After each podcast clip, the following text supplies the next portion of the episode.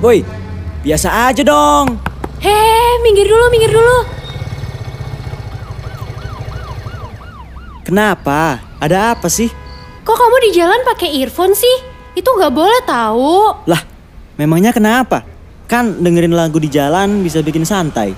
Bisa sambil menikmati jalanan. Kalau di jalan pakai earphone sambil denger lagu tuh bahaya. Kamu aja di klakson gak denger kan? Pasti fokusmu kebagi. Padahal berkendara kan butuh fokus ekstra.